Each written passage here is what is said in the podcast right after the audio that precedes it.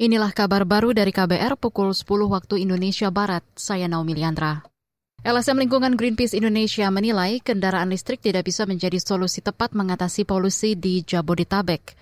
Pengkampanye keadilan perkotaan Greenpeace, Charlie Albajili, mengatakan peralihan dari kendaraan BBM ke kendaraan listrik justru akan menimbulkan masalah baru, yakni kemacetan uh, saya pikir beberapa respon pemerintah menghadapi situasi ini uh, tidak uh, menyasar ke sumber permasalahan gitu ya. Misalnya kayak dari Pemprov DKI yang menganjurkan solusinya adalah uh, mengganti kendaraan gasnya dengan uh, kendaraan listrik gitu ya. Ya itu di saat di dalam derajat tertentu itu uh, memang bisa ya cuman bukan hal yang bisa mengatasinya dalam waktu cepat dalam waktu dekat Pengkampanye Greenpeace Charlie Albajili mengatakan 90 persen polusi memang disumbang kendaraan bermotor. Polusi itu disebabkan kendaraan yang tidak lulus uji emisi. Sebelumnya Menteri Perhubungan Budi Karya Sumadi mengajak masyarakat beralih menggunakan kendaraan listrik. Menurut Budi, kendaraan listrik dapat menurunkan polusi di Jakarta. Beralih ke informasi pangan, Badan Urusan Logistik Bulog menyiapkan 1,2 juta ton beras untuk cadangan mencukupi kebutuhan di beberapa daerah. Kepala Divisi Perencanaan Operasional dan Pelayanan Publik Bulog, Epi Sulandari, mengatakan stok beras itu bisa digunakan untuk gerakan pangan murah mengantisipasi inflasi daerah.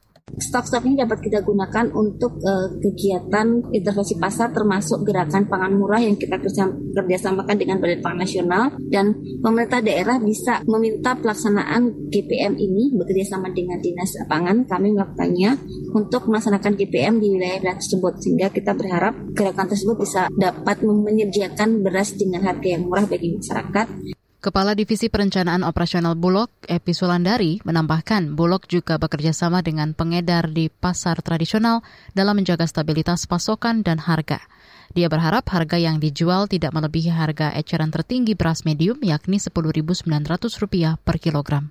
Kita ke lantai bursa. IHSG indeks harga saham gabungan dibuka melemah 7 poin ke posisi 6.902. Sedangkan kelompok 45 saham unggulan atau indeks LQ45 turun 1,5 poin ke posisi 967. Sebanyak enam indeks sektoral membebani langkah IHSG pagi ini.